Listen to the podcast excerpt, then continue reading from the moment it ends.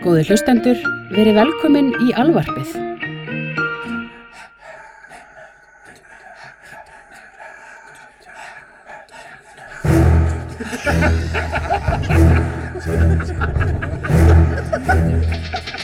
ég í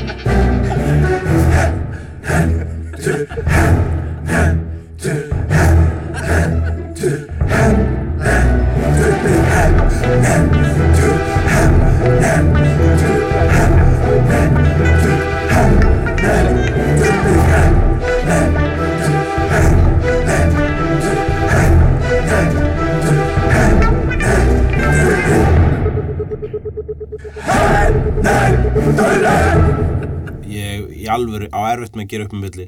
Hver eru meiri ónýtjungar, listamenn eða íþróttamenn? Ertu sem þetta stinga upp á því að ástæðan fyrir því að jocks pikka á artítípum uh, og nördum séu vegna þess að þeir eru of líkir já, ég veit það, Það er bara þeir keppni. ógna hverjum öðrum sko, Já. þetta eru nealdasmenn og, og hérna krómagnarmenn það er spurningin hvað er hvað sko. Já, sem En ég- kemur það er sapiens samt og valtur yfir allt eða ekki já, en ég vil ekki vera með eitthvað sem flokkudrætt og þetta er ekki það sem ég er að segja það sem ég er að segja er að uh, að þessi jocks og, uh, og, og nördar Mm.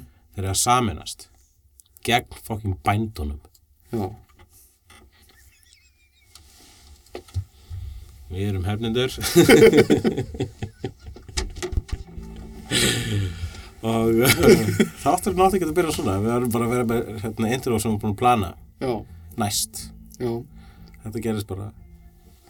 Um, um, ég heiti hu hugleðing dagsins. Með mér er uh, uh, grímsævintýrið. Já.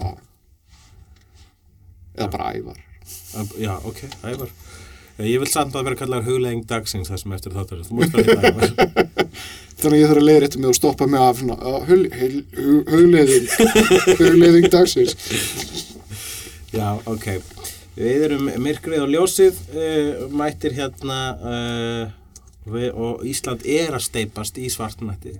Já, Uh, það er myrkrið nálgast, eða jólin eins og sem ég kalla það. já, Uh, og uh, ég hlaka til. Ég, ég, er, er- ég er algjört myrkrabann. ég tek undir það Mér finnst hérna, þetta er alltaf besta afsökunum fyrir því að sitja heima og horfa á vídeo Bara, ó, það er ekki hægt að horfa út að leika það, það sést ekki neitt Best að horfa á eitthvað sem sést, eins og sjónvarpið Já, sjóarpið síðast. Það er ljós líka í því og veist, gleði Ég held þetta I don't know what it is, but I feel strangely drawn to it. Þetta var kvót úr bæði vegi Dial M for Monkey ef ykkur mann ekki þeim þáttum á Cartoon Network. Þegar karakter sem hétt uh, var svona grín af þetta var sko, Dial M for Monkey var spoof af Marvel. Já, og það var aðpersonu var samt Abi sem átti sér ekki, ekki neitt svona samverlegt í Marvel heiminum. En hann var ofta starfað með einhverju svona einhverju típu af Avengers og það var, með, það var svona það var einhver svona Superman uh, Captain America típa. Það var einhver Hulk típa svona fjólbrá Hulk. Og svo var einn svona Thor típa sem var sko Uh, hérna, ekki bara hann, hann var eins og Thor nema hann var í stað fyrir hérna, Hamar var hann með ramaskítar. Já. og hann talaði svona totally bogus dude. Það var ógeðslega skemmtilegur og í þessum uh, þætti þar sem Galactus kemur mm. ga, grín af Galactus þá tekur Galactus all, allt sólkerfið og setur á svona grilltein og byrjar að grilla jörðina og, uh, og síðan eru koma sko þótur frá jörðinni og hérna allar ráðast á Galactus eða, grín Galactus að, ertu að lýsa heilum þætti? Já, og þá setur sagt upp, sko, svona, þá setur svona upp svona flugnættir bara, svona, svona sapper -hmm. Og hann svona lýsir og allar þótuna fara þangað og einn flugmaður segir I don't know what it is but I feel strangely drawn to it. Og þetta klipp var notað í auðlýsingum fyrir Cartoon Network endilega. Þannig að þegar þú segir ljósið í myrkrunu er sjóarpið þá hugsa ég I don't know what it is but I feel strangely drawn to it. Hljóma svolítið slingbleiti I don't know what it is. but I feel strangely drawn to you. I'm gonna put my arms around you now. Hvað er að gerast? Hvað er að gerast? Hvað er að gerast? Herðu, Já, hérna, það. er fullt að gerast uh, Það sem að kannski kvílir þingst á mér er eitthvað sem við linkum á hefnandasíðunni uh, facebook.com skástri keppnendurnir Mm. og það er hérna svo staðrind að það er verið að fara að gera uh, sjómaserju upp úr myndasögu Alan Moore. Einn af mínu, ef, ef, ég held að þetta sé eiginlega bara uppáhalds myndasögu verk mitt. From Hell. Já, ég myndi alveg taka undir það sko. Já, Gaurinn sem á réttina þessu sem framkvæmdi þessa fóstureyðingu sem að myndi með Johnny Depp er. Mm uh, hann sem sagt er að keira þetta dæmi Fyrir... Framleiðin af uh, hjúsbræðramyndinni er að framleiða þetta líka. Já. Og hann er núna að hugsa ég vil gera þetta eins og bókin er. Já, hann segir það en þú veist verður það aldrei. Ég nefnilega sko, ég átti mér einmitt alls svona draum, ég var alltaf ímyndum mér þetta, hvernig sko hinn fullkomna adaptation of From Hell geti orðið. Og ég hugsaði að verðið mitt vera sjóastáttur Mm. en ég hugsaði þetta að vera sko svona hérna, svarkvítu sjóastáttur sem var jafnlega með svona grein í filmu eins og var tekið upp bara í gamla daga sko. já. Feitur síðan svo að það gerist Já, mjög feitur síðan. já, ég meina þetta er hérna ég held að þetta sé ótrúlega slæm hugmynd. Ég held að það ætti bara að láta þetta kjört líka að þetta ætti bara fá að vera í friði Ég er ekki talið samanlegur það sko. Akkur eru allir alltaf að fykta í draslinu hans Alan Moore? Ég hef reyndar, að það er best. Ég hef reyndar- ég hef reyndar séð uh, eitt komment á einni fréttavitum þar sem einhver sagði það að hérna, Alan Moore, akkur er hann alltaf á töða við fór vend þetta og bara frika fín Watchmen er eiginlega bara ágætt líka Já. Men's got a point Já. En að sama skapi Já, hann sko satt, málið var að hann gaf Hollywood séns, bara fuck it. Og hann er, er sko, manstu þegar við vorum, fórum út að borða með Garth, eh, Grant Morrison? Uh, þá sagði Grant Morrison var að tala um og hann hvað er hipstera krukkan? og nefnir hann einhvers staðar. Já, yes. Ah, velkomin aftur hipster Alla, þegar við vorum út að borða með Grant Morrison þá var Íslandi mhm. og uh, þá var hann eitthvað að tala um Alan Moore Já, við vorum að spyrja hann okkur þau voru óvinnir Já, já, ég man Hann ekki að ekkert ég sagði óvinir, ekki bara- orðið mannin allt kvöld Nei, við vorum með, að spyrja hann út í það okkur, okkur, þú veist hvað hva, hva er bífið? Já, já, hann var alltaf eitthvað að tala um það og hann sagði eitthvað svona hérna Yeah, but he's a Scorpio, so he holds a grudge. Og ég var alltaf eftir þessu bara svona, já ok, djöðlir eru þið nákvæm þeir eru svo alveg eins. Og Eins og jocks og flúðar já, þeir, nei, þeir eru báðir nákvæmlega sama dýrategund sko. Þeir eru bara, nei, þeir eru svona nútíminn og fortíðin einhvern veginn. Já, bara, þú veist, ég veit það ekki Beatles og Ghost, Stones, ég veit Ghost það of Christmas Past og Ghost of Christmas Future hittast saman í liftu ekki já Ég veit ekki alveg samt í þarna er, er Warren Ellis uh, Ghost of Christmas Present? Warren Ellis er ekki jafn mikið snillugur þeir tveir, það er ekki til neitt sko sem ég að klára þessi tveir. Hann er samt alveg, hann dælir út sko og er að Warren Ellis skrifar, sko, raunin skrifa allir alltaf sömu söguna aftur og aftur. Já, en það er Gaiman. augljósara hjá Warren Ellis. Neil Gaiman náttúrulega, þú veist er að sama sögúsi hann dettur í ég, ég, hann dettur í klísitna sko. ég held að ég og þú gerum það tímalulegst ég er búin að, ég byrjar að fatta mitt pattern. Það er alltaf fokkin sama saga Já, en, hérna ég er hallur undir að skrifa um börn eða uh, þroska Ég eftir er alltaf sko einstaklinga. óleitt og konur. Þetta er nýjast verkin er, að kall, er að kallinn sem er óleittur En uh, uh, Ok, þá hann þetta. Uh, He's a Scorpio. He holds a grudge Þannig að þegar að Alan Moore segir eitthvað eins og fuck you Hollywood, ég ætla aldrei að tala við þig aftur þá er hann aldrei að fara að tala við Hollywood aftur en hann sagði það rétt áður en að myndirna byrjaði að vera allavega pínu næs Þú veist, hann sagði það fyrir við venda þetta og uh, Watchmen sem er reynda mjög umdelt hvort þessu góð en ég segi hún sér góð bara vegna þess að hún er copy-paste. Hann var, hann, hann sko, sandurinn skreið upp í hérna, töfravagginun hans. Uh, Sandurinn skreið upp í töfra vaginunars. Já, sand, já, hann var komið sand í vaginuna, sko, uh, þegar að, hérna, Hva, við fórum vend þetta, einhverju framlýslaðilar, Mm. hvort það hafi ekki verið jafnvel bara Wachowski bræðurnir, kom með einhverju fullirðingu á blagamannafundum það að þeir hefðu tala við, hérna, sem sagt, þeir voru bræður þá en ekki sískinni. Uh, hérna, að uh, þeir fullittu það að þau hefðu talað við hérna, Alan Moore og hann gefið þeim blessun sína og þá byrtist hann bara eins og reyði guðs og, og útskýrði að hann hefði, þau hefðu haft einhvers konar lauslegt samband við hann, hann hefði ekki gefið neina blessun, hún var bara skýt saman Já, og já. hún vildi bara helst að þau leta hann í friði. Já, já, akkurat, ég mann þetta þessi. Já, og það, það, þannig að sko, hann er ekkert að fara að gefa blessun sína yfir uh, þetta projekt, en það breytir ekki að það getur orðið gott. En þá var hann alltaf líka búin að fá, þú veist, virkilega bara harkalega afgreðslu með uh, From Hell, það sem að Johnny Depp var það svona opium miðli Já, já, það er þetta að telja upp alveg bara margt sem er að, bara mjög margt sem er að. og. League of Extraordinary Shit. Já, já, svo skemmtu við líka karakternas Konstantín. Mm Uh, hann hefur, ég mynd, hann, hann fær sko royalty check samt sko, hann bara kemur til hans, verður að fara til hans og hann setur alltaf bara til teiknarnas, hann gerði alltaf við ég held í Konstantín Kevin O'Neill fekk uh, peningana fyrir Extraordinary Gentlemen. Já, Hérna, Eddie Campbell, hann tók mjög viljur þátt í hérna, productionuna From Hell. Já, þessi teiknar ég meina þú veist, þeir, þeir þú veist, Alan Moore er Alan Moore og hinn eru bara, ha, eru að fara að gera mynd eftir það sem ég gerði í Hollywood, ok á, eru náttúrulega mikið drasl, má maður samt koma að sjá? Ú, shiny. Herðu, já, nei, gó- góð hugmynd, slæg hugmynd. Uh, Only time will tell. En þá segi ég að við förum beint yfir í Við hoppum við dánafrægninar og förum í það setna já, Förum beint yfir í nefnilega eitt sem er skilt þessu Sem er ákvæmt að glápa já. Byrju, ég er ekki búin með allt hvað er gerast. Ó nei Allar hafa þólum að þið? Ætli það ekki Ok.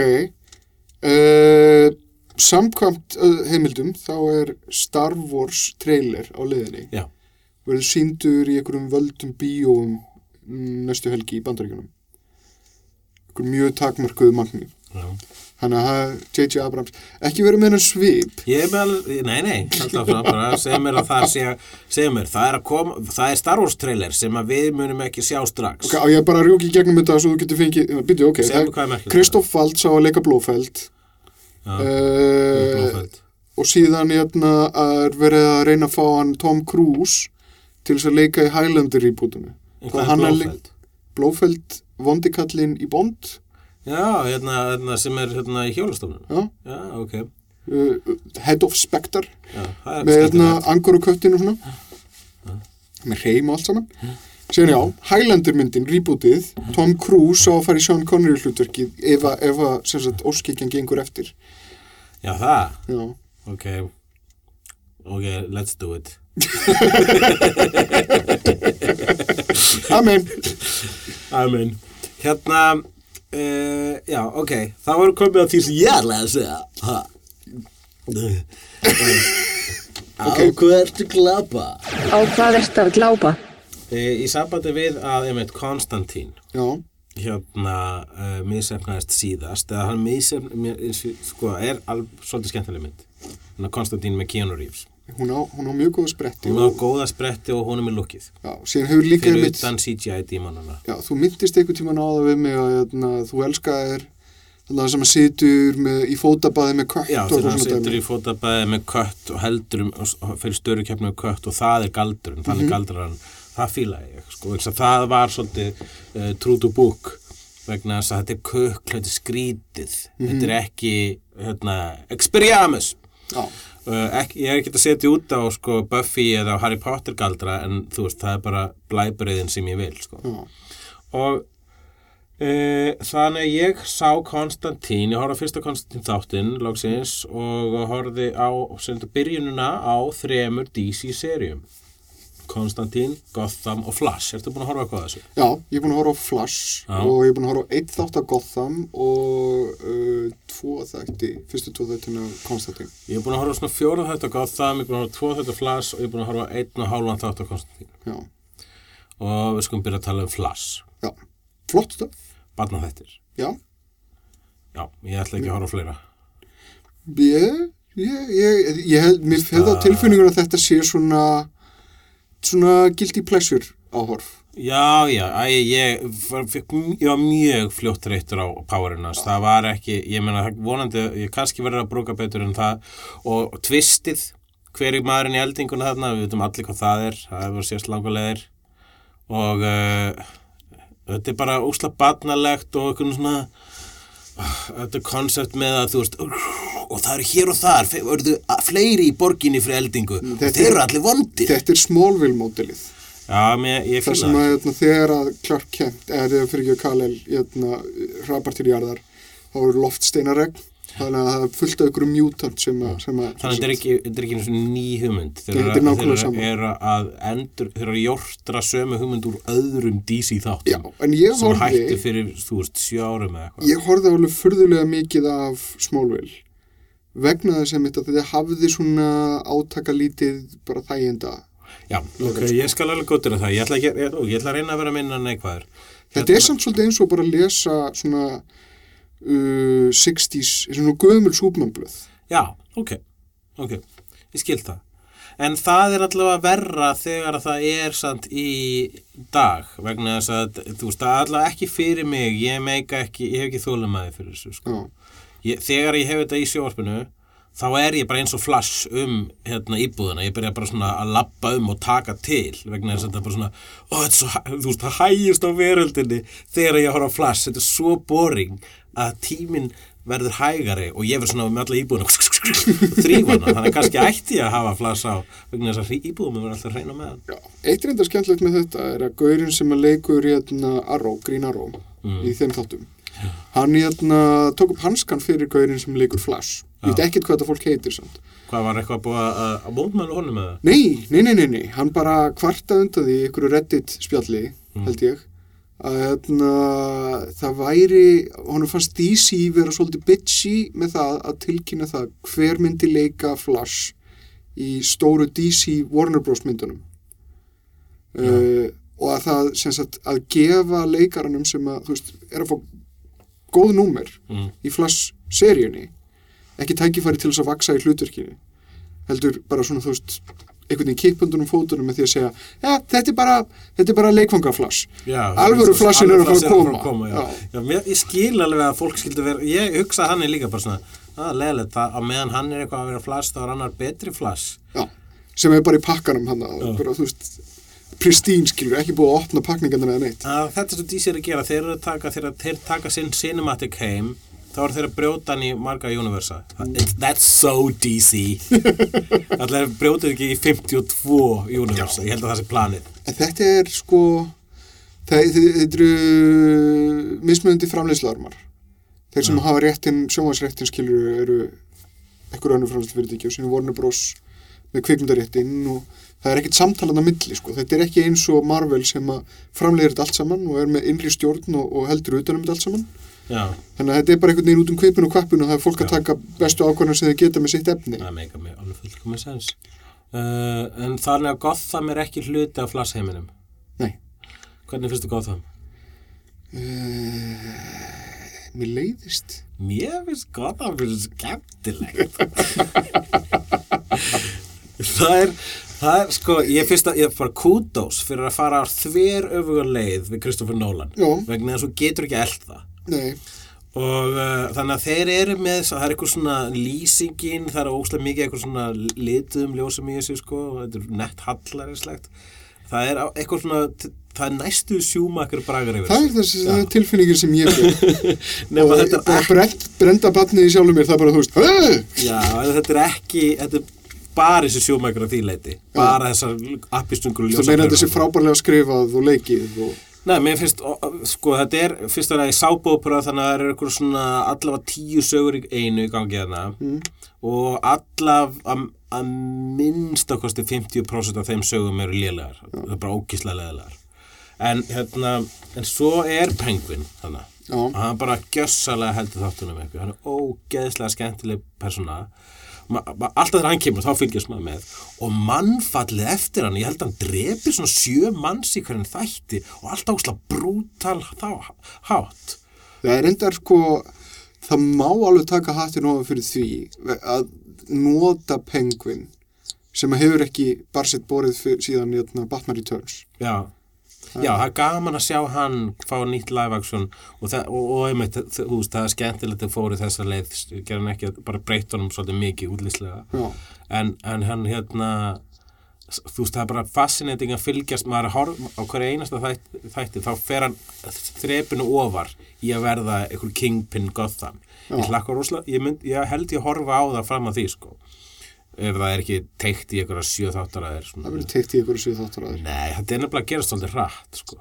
Er það? Já, ég er búin að horfa á fjóra þætti og hann er, hann er strax alveg komið connection sko.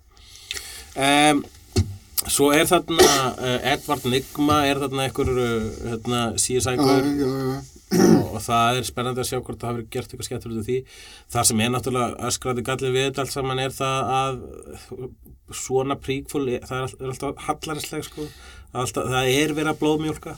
Þú ert alltaf að býða til því að Batman mæta sveðið Já, ég meina það er eins og, eins og sagt er, ég las byrjununa grein, ég les aðalega bara byrjununa greinum, já, þá var sagt að var að vera að fjalla um hva, hva, hvað svona gerði þættir eins og Gotham, hvað svona gerðir uh, bíómyndir og svo hérna, Dracula Untold, hérna, það vill enginn sjá hvað gerðist á undan. Það er aldrei, það, aldrei þegar þú kemur af góðu svona klassísku æfintri, þá hugsaðu, ó, bara ég vissi hvað hefði gerst á undan. við höfum nýtt að tala um þetta áður. Já, ok. hérna það er þetta prequelblæti, leiðindi. Að Þetta er ekki, það er ekki sko eftirspunn. þetta, er, þetta er bara að vera Hollywood Jú, það að- er nefnilega alltaf eftirspurt það er alltaf fólki það er aldrei- sem heldur það eða vill bara fá meira. Já, vill fá meira, Vill en það búa- segir aldrei við viljum fá prequel. Nei, menn þetta er ástæðan fyrir því til dæmis að uh, sjónvastættir eru svona, já, vinsælir. Er það að fólki líður vel vegna þess að það bara fær alltaf meira og meira af því að vera sama heimi, sko. Og síðan er það líður kvikmyndum þar sem að þú vilt fá prequel og eitthvað meira vegna þess að þér leið vel þarna og vilt fara ánga aftur Já. og eigða sem mestum tíma þar. Þannig að ég er bara að segja, ég er bara að segja að prequel er ekki specifík ósk hjá okkur fíklunum, Nei. heldur að e, það er hérna, Nei, bara, bara þekkjandi það hvernig sögur verða til. það er bara, það eru bara eitthvað salarnir sem eru að koma með nýtt dóp. Uh, er, sem er raunin að sama en samt ekki að sama. Svona verri útgáfu en segja bara þetta er svolítið fínt. Allavega, þetta var skrítið líking. Hérna, uh, já, en þetta er síðan líka uh, Poison Ivy byrtist þannig fyrsta þætti, þú veist að maður finnst að vera svona óþægilega mikið á óunum Batmans, bara hvað, eru þá allir ba óunum Batmans orðið 50 þegar hann verður Batman eða hvað? líklegast til. Hverju, uh, uh, en þessi, þessi bara móka svona bara með allhressi legin. Poison Ivy reynda Batnarna og líka hérna, Catwoman sem er svona sexy Batn. Ég verð reyndar að, ok, það er eitt með þetta, þetta trubla mér svolítið, vegna þess að ég fíla mýþósið að þessur óvinnir verða til út af Batman.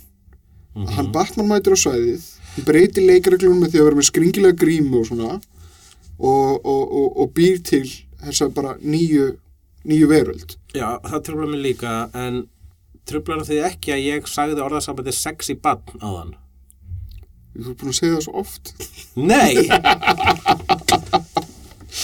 Jú, uh, í, þú ert búin að áður nefna þetta í sambandi við Já, ég Catwoman. rætt þetta við áður. Já. Já, svona sexy Batn í bíómyndum. Það er enda bara mjög óþægilegt, já. Já, það er eitthvað sem ég var að lesa um sem er, það er sko, einmitt að hérna, kvenkins karakterar eru sexualisaðir miklu yngri Mm í bíómyndum og ég, maður teki eftir svo ofta sko, ef það eru barnamyndir þá er ofta, oft strákahópur, kannski fjóri strákar sem er ykkur fjölaðar að gera eitthvað. Og svo er ein stelpa í hópnum. Og hún er svona, þú veist, hún er bara þeir eru allir skotnir í henni. Mhm. og hún er bara einhvern svona einhvern veginn verðlaunin í, í sögunni. Já, og hún er basically svolítið sexualized sko. og þessi hérna kattakona hún er, þú veist hún er einhvern veginn klætt svona hún er eitthvað svona sexy baby. hún er klætt svona sexy baby það er ekki að segja, það ekki, ég get, get ekki farið til smáatræði en svo hljóðum svo viðbjöður sko. Já, en uh, hennar karakter er reynda góður já. en uh, ég fíl ekki þú veist þetta lipgloss á henni, akkur getur ekki lítið út þessu krakki sem er actually á götunni Ég reyndar horfið aftur á Leon nýlega og uh, upplýði hann svolítið öðruvísi. Uh, þegar maður sá hana þá var maður náttúrulega nálægt inn í Natalie Portman í aldri. já, Uh, að ég þarf bara í þrjú ár. Nei, hún var bara voðalega sætt, skilur uh, og maður einhvern veginn svona horfið svolítið framhjá kynfyrirslu undirtónunum sem að voru þarna, þar sem að hún sagt einhvern veginn ætlaði að giftast honum, Leon. já. Og það var eiginlega í upphæðlegu handriti að þessari mynd þá var, þá var eitthvað svoleiðis, svona, svona óþægileg sena. Já, hún allavega sakar hann hérna um að, að hún kallar hann elskuða sinni einu Já. atrið og eitthvað. Ákvæmlega. Nefna hvað hérna, að horfa þetta núna, þá svona, þá fæ ég svona, ah, ægi, úf. Ég hef ekki hort á þetta nýlega en, en hérna Luke Besson er náttúrulega franskur leikari þannig að þú þá Já, en já, sexy babies, það er, uh, það má alveg hætta því. Sæði leikari eða leikstjóri þegar þú sagði Leikari. Luke? Já, ég meinti leikstjóri uh, Hérna, ok, góð það, mér, finnst það, ske, það er skemmtilegt en uh, það er alveg það vantar alveg upp á en það er alveg uh, skemmtilegra Mm. heldur en Konstantín eða hvað segir þú um það? Ég er svolítið datt út úr Konstantin mjög hratt. Já, hvað Bara ertu búin að, mér... mér- tvo, Uh, þrjá, þrjá, Þrjá. Ég bara í miðjum f- fyrsta þætti var ég bara Not my Constantine man Mm. Hashtag not my Constantine Sko, þú verður samt eiginlega að horfa lengra heldur en fyrsti þáttur. Fyrsti þáttur, hann var skotin áður en þeir ríköstuðu gæluna Já, og síðan var henni bara svona einhvern veginn, hún var bara útskýrð í burtu. gæla var hræðilega það var ekki það sem tröflaði mig, gæla var þarna bara svo að Konstantin geti útskýrt fyrir ógsta heimskum áhörundum að hann var í galdrakall og kúl. Já, já, en þú veist, þetta á örglega eftir að ná stímið Já, og, leiður þessu ég ætla að gefa sem verið sens, það er rétt, að það var einmitt vesen með svona fyrsta þátt, en þetta lítur út eins og Konstantín fyrir börn. Uh, þetta er Harry Potter Konstantín, hann á meira svo svona Harry Potter kjallara með fullt af svona galdragripum. Það er ekki Konstantín, Nei, nei, nei, finnst það algjört rugl. Það- mér, mér finn, þú veist, s- mér finnst actually Keanu Reeves Konstantín meira faithful. Heldur en þessi heldur en Konstantín. þessi Konstantín þrátt fyrir að þessi Konstantín lítur og hljómar eins og Konstantín. Vegna þess að Keanu Reeves þar var það var, það var ekki jafn mikið matað honni í áhorfendur þetta er, þetta, er þátt, þetta er bara þátt fyrir hálfvita sko Æ, sko, ok, djúpt ekki árina. Ég, ég, ég, vil, ég vil ekki segja þetta það er auðvitað fullt af fínu fólki sem fíla það. En hérna en mér finnst þetta að vera sko, þú veist, ég hef ald það er, þú veist, ef ég reyna að setja þetta í þú veist, bera þetta saman bara smáegis við myndasögurnar, þá bara svona ég hef aldrei lesið Konstantín svona heimskulega skrifaðan Já, þetta er bara svona ég hef einmitt bara maður sé, þú veist hvað getur maður sagt? Uh, maður sé miðlungs fantasíu sjóarp sem betur skrifað þetta, ég sé charmed þætti ég heldur reyndar að, að þarna sé svona pínu uh, Ford Omar Já, já, algjörlega, þetta er, þetta er gjörslega fordóma vegna þess að ég bara sé þennan uh, pilot Já, pælatinir eru alltaf lélegast Já, sko. já, allir verði ekki að gefa sér sem ekki vonandi haldi þú verður aðeins að sigla lengri inn í þetta. En hérna, ég fæ þessa tilfinningu að þetta sé svona að ég veit ekki, mér finnst svona pílnitið eins og þetta hafi allt verið gert í Supernatural. Já, e- já, örgulega, ég þarf að komast inn í þá þætti. Anskotin hafa það. Sýsti minn á það DVD, ég ætla alltaf að fá að lána. Þeir eru konar á tíunda sísonum maður. Já, já, langt eftir. Sem er fimm sísonum meira heldur en var planað í upphafi. Trú ekki á eftir Supernatural, sko.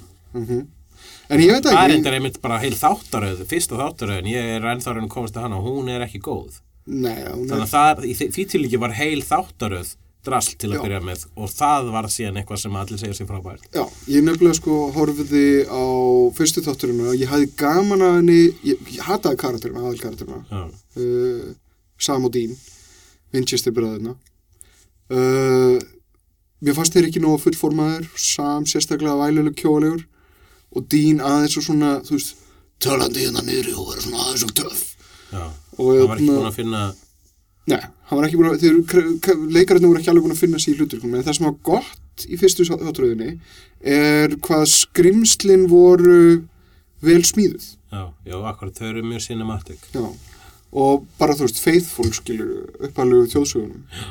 Þannig að það er, að það er ástæðan fyrir því að maður held dampi að klára þá seri og byrja á nummer tvö. En í nummer tvö þá bara finnur einhvers konar svona comedy takka á, á, á, á leikara eða stjórnbólinu sinu uh -huh. og þá bara smellur þetta.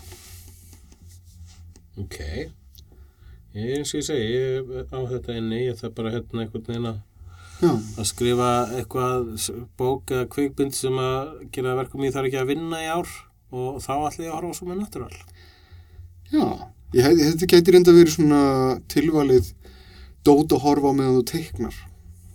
Ok, þar ég ekki að horfa á þetta sér svo. Já, ekkert. Hvernig er þá að hlusta podcastin mín? Það er það sem ég gerir þegar ég teikna. Já, já. Þetta er bara, það er orðið offrambóð af áhugaverðum hlutum. Á luxusvandamál hefnenda. En ég hérna, hvað er eitthvað fleira? Já, ég ætla, ég held að ég tala um humanoids from the deep í næsta þætti. Ok, En ég held að við fyrir beint í dánarfregnir og í njarðarfarir. já.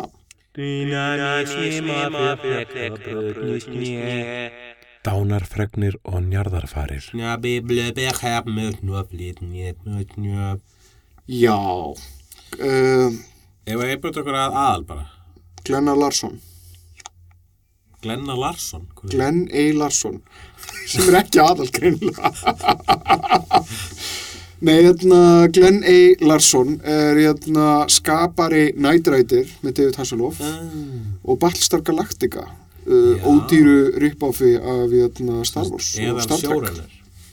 Já uh, Það er voðalega lítið meira mann að segja sko. ég, veist, Já, Það sem ég finnst skemmtilegt eru, dera, er, eru verkin sem eru gerð upp úr hans verkum með öðrum orðum Battlestar Galactica hérna, rebootið uh, Baywatch. Og hérna, Heat Vision and Jack Heat Vision and Jack. Já. hvað Er það? er eitthvað á Simpsons? Nei, hefur ekki séð það? Er Þetta það grín af... Þetta er hérna, þetta er, uh, þetta var, var pilotattur sem var gerður um Jack Black og mótorhjóliðan sem talar. Já. Owen Wilson leikur mótorhjólið. Já. Þetta var framleitt af Ben Stiller og þetta var skrifað af Dan Harmon. Mér rámar eitthvað í þetta. Heat Vision and Jack, þetta er killer dot. Ok, gott. Góður upplýsingar. Mm En, En blessu sér minningar. blessu sér minning hans. Hver er aðal? Náttúrulega Mike Nichols. Já, hvað? Tvítur eitthvað skilja. Já, Þannig gerir Regarding Henry. Hann skrifaði Regarding Henry. Hvers konar sci-fi leikstjóri Star Wars, Star Trek, eh, Super 8, Cloverfield gaur Mm. Hvers konar þannig gaur byrjar á því að skrifa ma um mann sem missir minnið? Ég, þetta er, þetta, það sem er beautiful reyndar við þetta er að hann Harrison Ford leikur þarna gaur sem að gengur inn á rán í, í lítilli kjörfuru, kjörfuru öslun. og hann er skotin tveimur, sem sagt það eru tvær kúlur sem að fara í hér, eitt fyrir ennið á honum ennisblæði og eitt í öxlin á honum. Og ég hef alltaf elskað þennan dítil við Regarding Henry að það var ekki kúlan sem fór í hausur á þessum molli minnisleysi og skada hann sagði, læknirinn segir mér að segja þú gætir ekki hafa verið skotin á, á betri staðalur en þetta. Það sem að veldur skada er það er kúlan sem fyrir öxlina sem að veldur því að það er ekki nóg mikið blóðflæði til heilans sem því það að hluta heilanum deyr út af því út af skort á blóðflæði. Alltaf fíla þetta. Sástu Working Girl? Mjög mjög látt síðan. And Postcards from the Edge Það er mynd, það, ég horfði á hana bara, vegna, bara sem Star Wars nörd. Mm. vegna þess að hún er byggð á uh, eiginlegri sjálfsæðisögu uh, K- Carrie Fisher. Mm. nema að þetta er samt þetta er bara svona, já, nema nöfnunum breytt og okkur slis uh, hvað myndur þú, já, hérna ef við segja best og vest, ef við bara segja best ef vanvirðing að segja vest Uh, segjum bara best og vest ég meina, Já, hann myndi alveg skilja það. Hann myndi skilja það. Hérna, ok, mín, mín best ég myndi segja Húsa Freyt og Virginia Woolf. Já, með, bara það er svo mikil heift það er svo flott casting í Richard Burton og, og, og Elizabeth Taylor. Þau eru alveg vicious út í gegnum þetta frábæra leikrit. Já.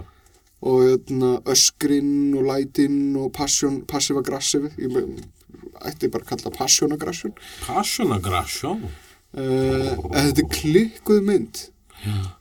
Hún er það. Eh, ég ætla að se, ég er með tvær sem eru kandidata fyrir best sko. það er náttúrulega synd að segja ekki graduate en hún er ekki upp á halds hérna, mér spramir kollu frábær reyndar, oh, hún er æðisleg. Það, það er mynd sem fjallar um hérna, Bill Clinton. Bill Clinton, hún er æði. Og Hillary já, eh, nema þú veist, nöfnunum er breytt og, og þetta er aðeins íkt Billary og, og, og Hill Clinton mm þau heita það í myndinni uh, ég er hreip, hreipnastur af tveimur myndum það er Closer eins og ég sagði mm. og svo er það Day of the Dolphin sem er personal favorite sem er ekki hans besta mynd en hún er bara svo fucking aðtiklisverð segir frá því þegar George C. Scott þú þekkir hann leikara Já, já. Hann er að hérna, þjálfa höfrunga nema hann er að kenna þeim að tala ensku. Og það er höfrungur þarna sem að heitir Alfa nema hann kallar sig Fa! Og hann kallar George C. Scott Pa! Svo Fa Love Pa! Og það er bara svona fullt af atriðum í þessari mynd og þau myndin tekur sig 100% alvarlega það sem er Va, go get ball for Pa. Pa Pa. Svo fer hann og svo kemur einhver beta, kem- fara hann vin sem heitir beta sem er kærist hans. Heitir hún. Mér finnst þetta stórmerkilegt vegna þess að ég var bara fyrir einhverjum þrejum fjórum dögum að hlusta á podcast, radiola podcast þar sem að var að tala um svona tilraunir að láta öfrunga læra ensku. Uh, sem sagt já, að læra að skilja er ekki að var, þú voru í einhverjum svona vísinda bara þú veist, loku rými sko, sem var bara eins og íbúð nema hvað það var mittishátt vatn í þessu. Og það var verið að tala við eina konunum sem tók þátt í þessum rannsóknum. Þú var eitthvað, þú veist, mjög ung 21-22 ára þegar hún tekur þátt í þessu. Já, þá er hún bara, gisti hún með þessum höfrungi og var bara síðan að reyna að eiga í samskipti við hann og eins lengi og hann gat, sko. Nema hvað, eitna, það sem kemur síðan fram er það, eitna, þetta er einn af hlutunum sem var þess valdandi að þetta fekk aldrei uh, ja, jákvæða aðtikli og það þið fengi annars. Gaurin sem skipulegur ansagnar fór að eitna, uh, gefa höfrungunum LSD gera svona einhver svona skrýtna hluti. Og síðan bárust frek, freknar af því að þessi, þessi kona, þessi tiltekna kona hún var að fara að ná, hún var farin að ná einhverjum águr árangri með þessum höfrungi. Nefnir hvað hérna uh, ha, þetta var náttúrulega bara unglingstrákur í höfrunga árum talið og náttúrulega á blúsandi grettugelgju sko. Var alltaf svona að nutta sér upp við hana. Hana hún hérna hún svona þjónustöðan bara svona til þess að hann geti einbeitt sér aftur og því að að læra ensku bara hann, hún þjónust að hann. Hún, hún honum. Já. Já, þetta þetta topar algjörlega hva, hvað er tvistið í Day of the Dolphin? Það er allavega það að, að, að hann veit ekki að því hann er óvart að þjálfa höfrangin til þess að drepa fósita bandarækina en mér finnst þitt betra. Eða, eða verra. Það er afstætt, það er allavega áhrifur já, hitti samt alvöru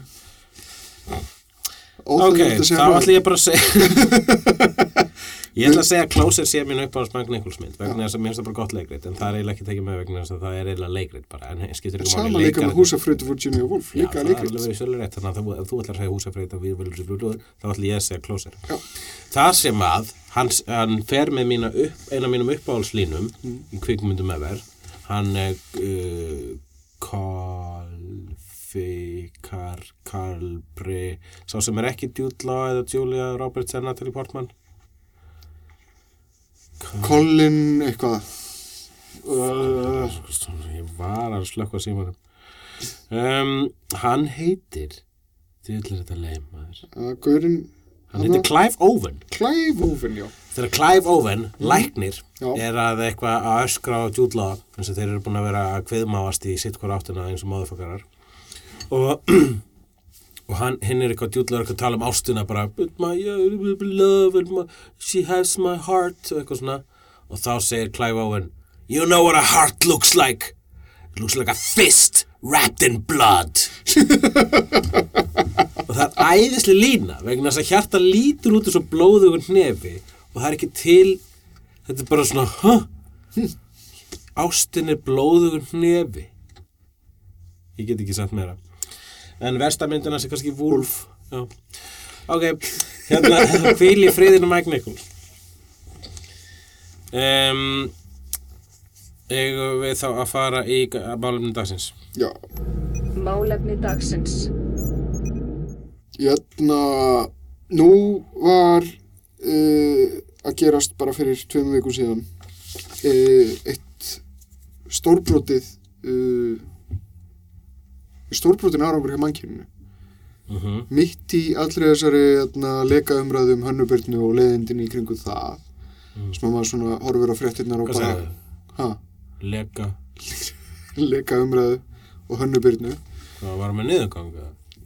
Nei, nei, ég ætla uh, sko á meðan þetta gerðist þá lendum við uh, róbóta við lendum vélmenni á fljúandi halastjörnu Ég, með, ég sá eitthvað um þetta nema hérna, rassin á Kim Kardashian var fyrir. Já. Þannig að ég, ég, gat ekki, ég sá bara svona smá. við lendum fokking vélmenni á fokking halastjörnu Já, það er bara fokking amazing já, já, ég kann ekki alveg með þetta orðbræð en ég er mjög samanlega þér. Það er- Þetta er vissulega, þetta pínu klúður sko vegna þess að þú veist þegar þetta, þessu genflug hérna með vélmennu lendi á uh, sem sagt halastjörni þá var hann svo mikill í ferð að hún skoppaði af henni og sem sagt fór alveg heilan kílómetr upp í loftið að hún fór aftur niður og lendi ekki alveg á nákvæmlega sama stað að þeir voru að vonast þannig að hérna, hún lendi á svona dekkri hliðin á halastjörni mm, og kláraði batterín eftir ykkur fjóra og fimm daga ekki fylgti. Nú- Erum við öruglega að taka þetta við?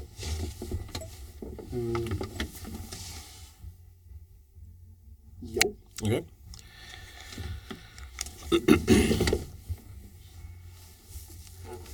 Nefna hvað, hérna, það var atbyrðið sem að skigði pínlítið á þetta og sogaði svo, að sér kannski meiri aðtekli heldur en, heldur en þörfar á.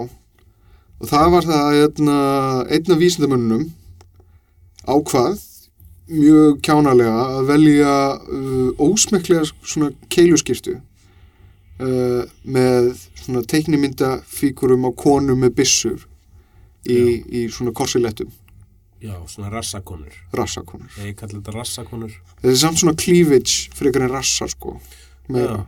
Já, það er samt sko líffræðilega sko það, eða þú veist þróunarlega þá er cleavage á að líta út eins og rass. Við getum þá kannski bara fundið millist í skorukonur.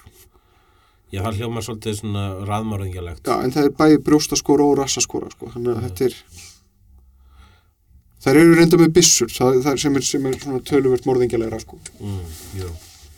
uh, þetta, var, var stjúpid val hjá honum hann hefði ekkert að velja þessa skirtu Uh, Það Í fyrsta er lagi- átt að vera með allsberg kalla.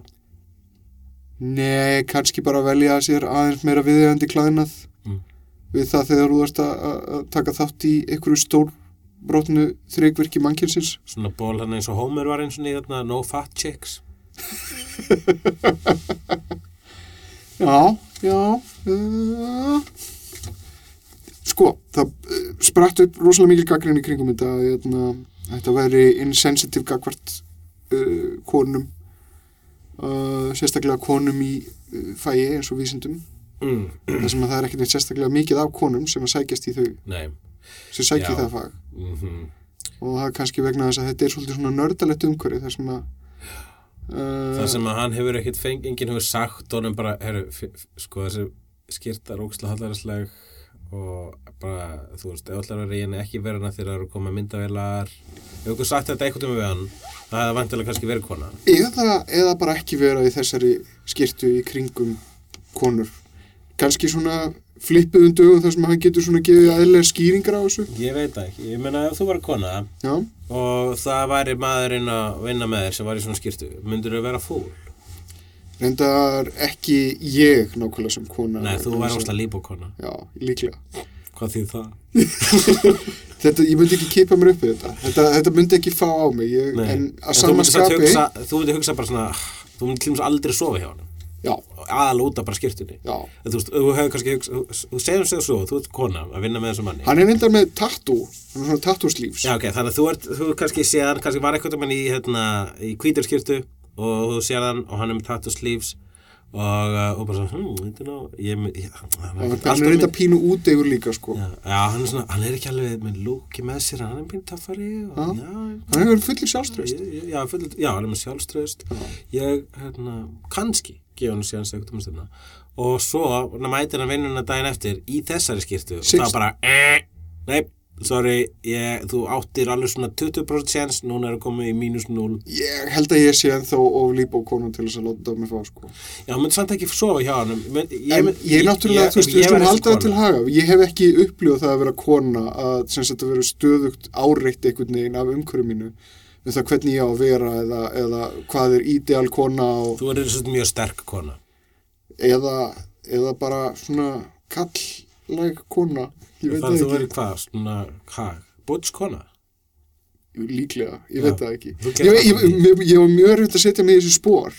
Já, það er, það er mjög erfitt vegna þess að við erum að tala um konu eins og það sé eitthvað svona Þú er móti einfalt. ert mjög, mjög, mjög auðvelt með að hlaupa í þessi spór. Þú, þú, þú, Já, þú, er- tengir mjög, mjög hratt við því kvenlega. ég, eh, að- ég, veit alveg hvernig það er að vera kona ég hérna uh, sagt, skil konur mm. vel og uh, ég, bara, ég áslappi ást samverðið með mér finnst gaman að taka langa göngutúra á ströndinni og hérna með svona notebook slaka mynd og hérna og ég græti þetta kynna með eitthvað svona uh, ég Þú veit ert viðkvæm sál. ég um sál um, Akkur eru konur viðkvæmar?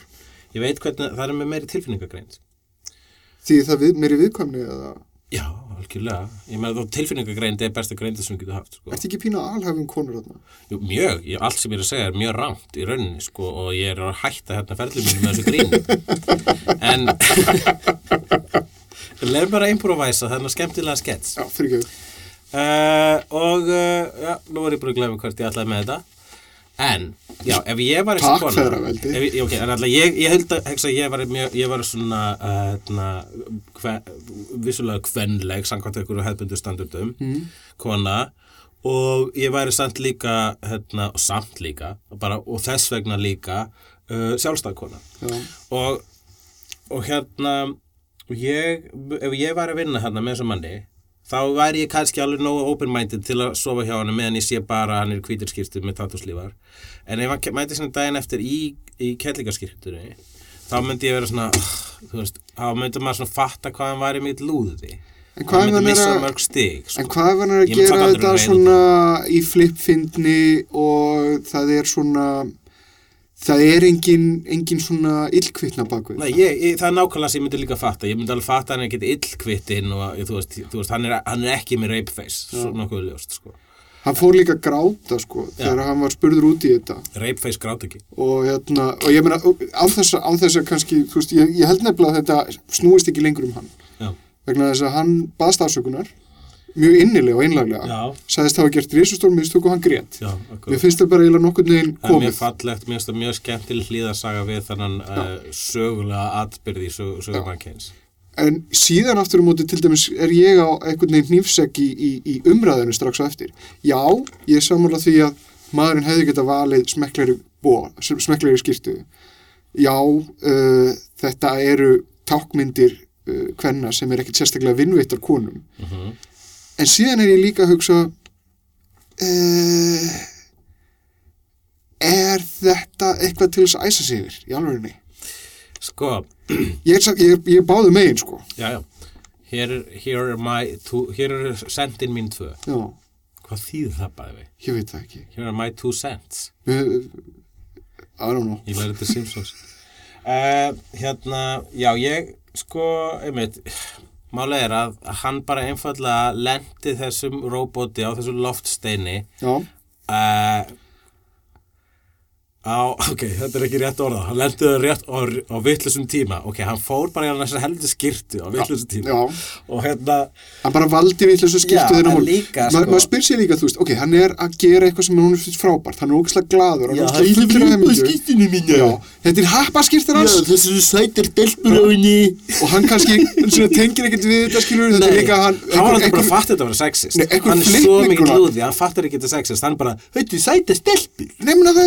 Hann þetta þá kannski vinkonans Já. gaf honum þessa skýrtu. Já. Kannski hefur hann litið á það sem þögult samþykki. já, kannski vinkunar sko, svona, þú fyrir allt svona comics og eitthvað svona Hérna, comics, Já. fyrir þig. Já, og náttúrulega hann hefur vantir að vera, le- sko, ef að svona comics hans er eins og þessu skýrta þá hann hefur að lesa mjög 90s comics. Já, mér langar eitthvað að skoða þessa skýrtu betri. Ég ætti að að finna að mynda henni. Ég geti svo svarað að það er Rob Liefeld. Svona, svona bragur yfir þessu. Já, ég held að sé eitthvað svona Anatómist svona, já. undarleg. Það var ákveðin stefna á tímum Rob Liefelds eða tímum Extreme Comics sem var hérna uh, afleggjari Rob Liefelds frá Image Comics Já. það fór þangað og bjóð til bara svona, þú veist bara uh, svívirti hugtækið og ofurheitur endurtekið og uh, hérna og hann var mjög mikið með þessar rassakonu sko. Já. það voru mjög vinslega þarna það, hjá honum voru þar alveg bara svona fáralega sko. Mhm. Mílum Manara á ekki séns. En hérna uh, en that's besides the point. Uh, sko hann hefur sérst farið í þessar skýrtu en hann gerði það nefnilega á það sem ég ætla að segja Já. hann gerði það í dag. Já, og hérna hann gerði það á tímum þar sem er bara svona umræðan hvað varðar sexism í bara samfélaginu allt hvað varðar kynja mér hún er í sögulegu hámarki held ég allavega í upplýsingahöldinni allavega í minni Facebook-bólu já, vonandi að aukast líka. Já, en það er meira að tala um þetta og þess vegna eru svona meiri, fleiri og fleiri háar rættir, háar minni hluti í vörnuna. Hvað, en hvað með kalla? Er þeim ekki líka mistætt? Hvað með hvita kallmannin? og maður bara svona, já, já, hann álega bátt líka, en það er sko, það er aðeins, aðeins meira að gerast hérna, sko. Og Við erum bara að reyna að komast í gegnum hennar backlog af. Já, við skulum sjá um þe- þessa pínu litlu skuffu þegar við erum búin að fara í gegnum þannig gám, ok? Og, ok. rólegur, rólegur, rólegur. En hérna, þannig að sko það, það, sko það hvort að hann átti þessi gaggrinni skilið, verandi bara einhvers svona lúði, en sem er úslega klára, vel enda róputum og, og, og, og loftsteina, Já, það hvort er þessi gaggrína skilið finnst mér vera besides the point vegna að það er bara eðlileg viðbrögð uh, umræðunar eðlileg viðbrögð social media að segja halló, eru að sjá skirtunans Ég held samt í alveg að tala að þessi skyrta hefði alltaf verið óviðandi. Ef það hefði verið fyrir tíu árum þá hefði verið da, þú, Já, ákveður, já. ákveður í svona Já. asnalegu þegar þú ert að gera svona hvað er óviðeigandi skirta? hvað er það í bara stóra samhenginu? Já, ég er að menna ferði í hafa skyrti í jarðaför. Já, það er vissulega Það er óviðeigandi skyrta. ok, já. En samt, ég meina, þú veist Æ, við finnst það bara get ekki, það er ekkert sem ég, ég get ekki að hata gaurinn, ég get bara að hata það, þú veist, ég get bara, ég get ekki gaggrind gaurinn, ég get gaggrind það sem að gaurinn er svolítið þvegin af, Mm. Rauninu, sem er feðraveldið. Við erum reynda búin að tala óslega mikið um Og þetta sem þýðir það að þetta þýðir ég hjá mig að eitthvað. kaltæðin þarna, þá var ég það ekki. Við erum búin að tala óslega mikið um þetta sem þýðir það að þetta þýðir eitthvað þó. Já, þetta er bara tíman að. Já. Uh, Og uh, og ég, ég, ég, ég hugsaði um það á, á, tímabili þegar ég var að pæla í þessu Hvor, og, og fór þá pínlítið í hrútskúrin uh, að na, fórst að hrútskera, Já. hrútskýra, að hérna, sagt, þetta er ekki mál sem að uh, feministar ætti að taka fyrir sérstaklega vegna þess að, að, að þetta er of slippur í, þetta er ekki, þetta er ekki nógu stert case til þess að rífast út af Já, Eh, ok, en- já, ég fa- fatta það. En aftur um móti, eftir því sem maður hugsa meira um þetta, þá er þetta heitt fullkona mál. Þetta er nefnilega, sko, það, ske- það sem er heitlættur við þetta mál, það er risastórt, það er samt svo smáægilegt. Það bara tengist óslega svo stórum viðburði, Mm en það er, sko, það sem fyrst og fremst þetta er, að þetta er bara svona lúðalegt. Já, Þetta er það sem þú vilt kalla nerdfeil. já. Það er, er hérna, í samikið þetta að það hafa verið hérna, einhverja myndir þar sem er draga líkindi milli þess að Kim Kardashian hafi verið á rassinum Mm uh, á einhverju fórsíðu og hérna Já, þetta er spennandi tímar í popkultúr og vísindum. Já, og þarna femin þarna gælurnar að- mótmæla naktar í Rúslandi Ég mista því hvað það. uh, það er bara þessi, þessi mótmælahópur þarna í, í Rúslandi og við Þetta er femin. Eins og Ég minni það. þátturinn hennar hérna Marju Ellingsen á stöð 2. Maður stöður honum. var það ekki þáttur femin? af Mari, sem var fyrir svona svona 2001, 2002, 2003 Já, það þetta var er, þáttur á, á stöð 2 sem heit Femin og þar var hérna segið Ellingsen Femin hún, þá bauð hún sér svona öðrum konum og þau sátu sko á svona, svona japansku sófa sem svona basically bara dýna og við svona japanst svona uh, kaffiborð sem var fyllt ilmkertum Já. og það voru sér náttúrulega berfættar sko. Vegna þess að þær eru femín. Ég tek eftir því að þegar þú segir femin Já. Þá kemur svo ótrúlega mikill bassi í röddina Já. sem er svona pínu viðandi en samt ekki Já, hún hugljúf, konan mín, það er að segja mín innri kona, hún er með svolítið svona bassa. er hún femín Hún er femín. Alltaf, það er fyndið. Og uh, ég hef ekkert nema ást til femín.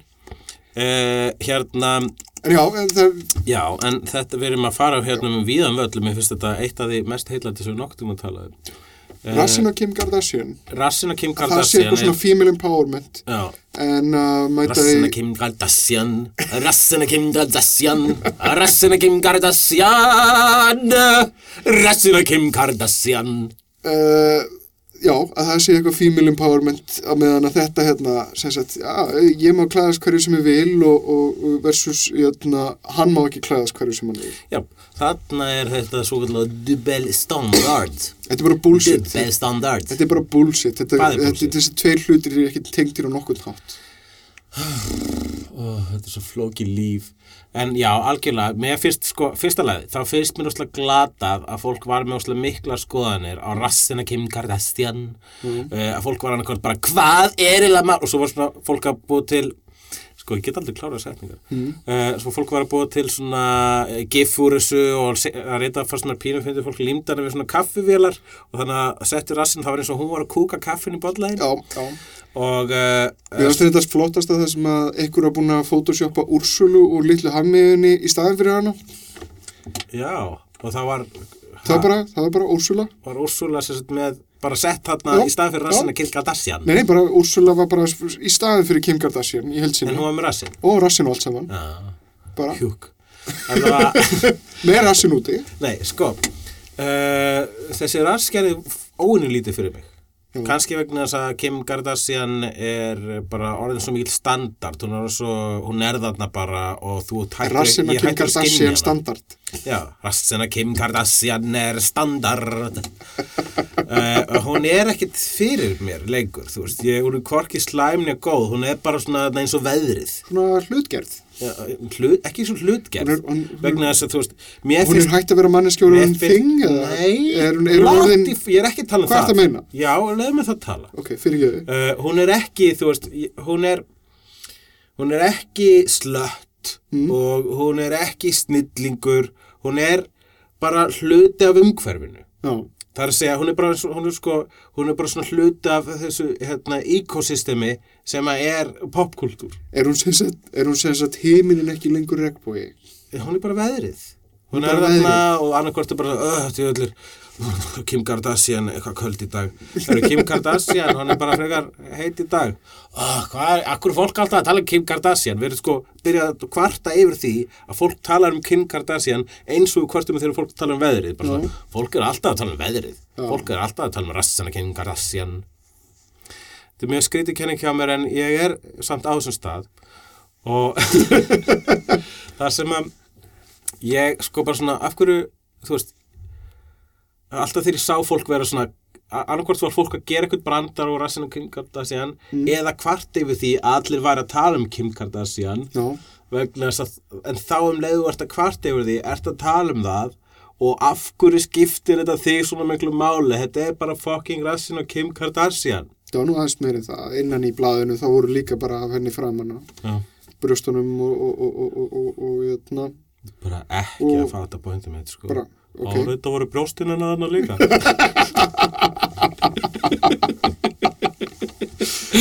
Já, en já, háaðinn, uh, þetta er bara, já, ég held að við sem komum þátt sko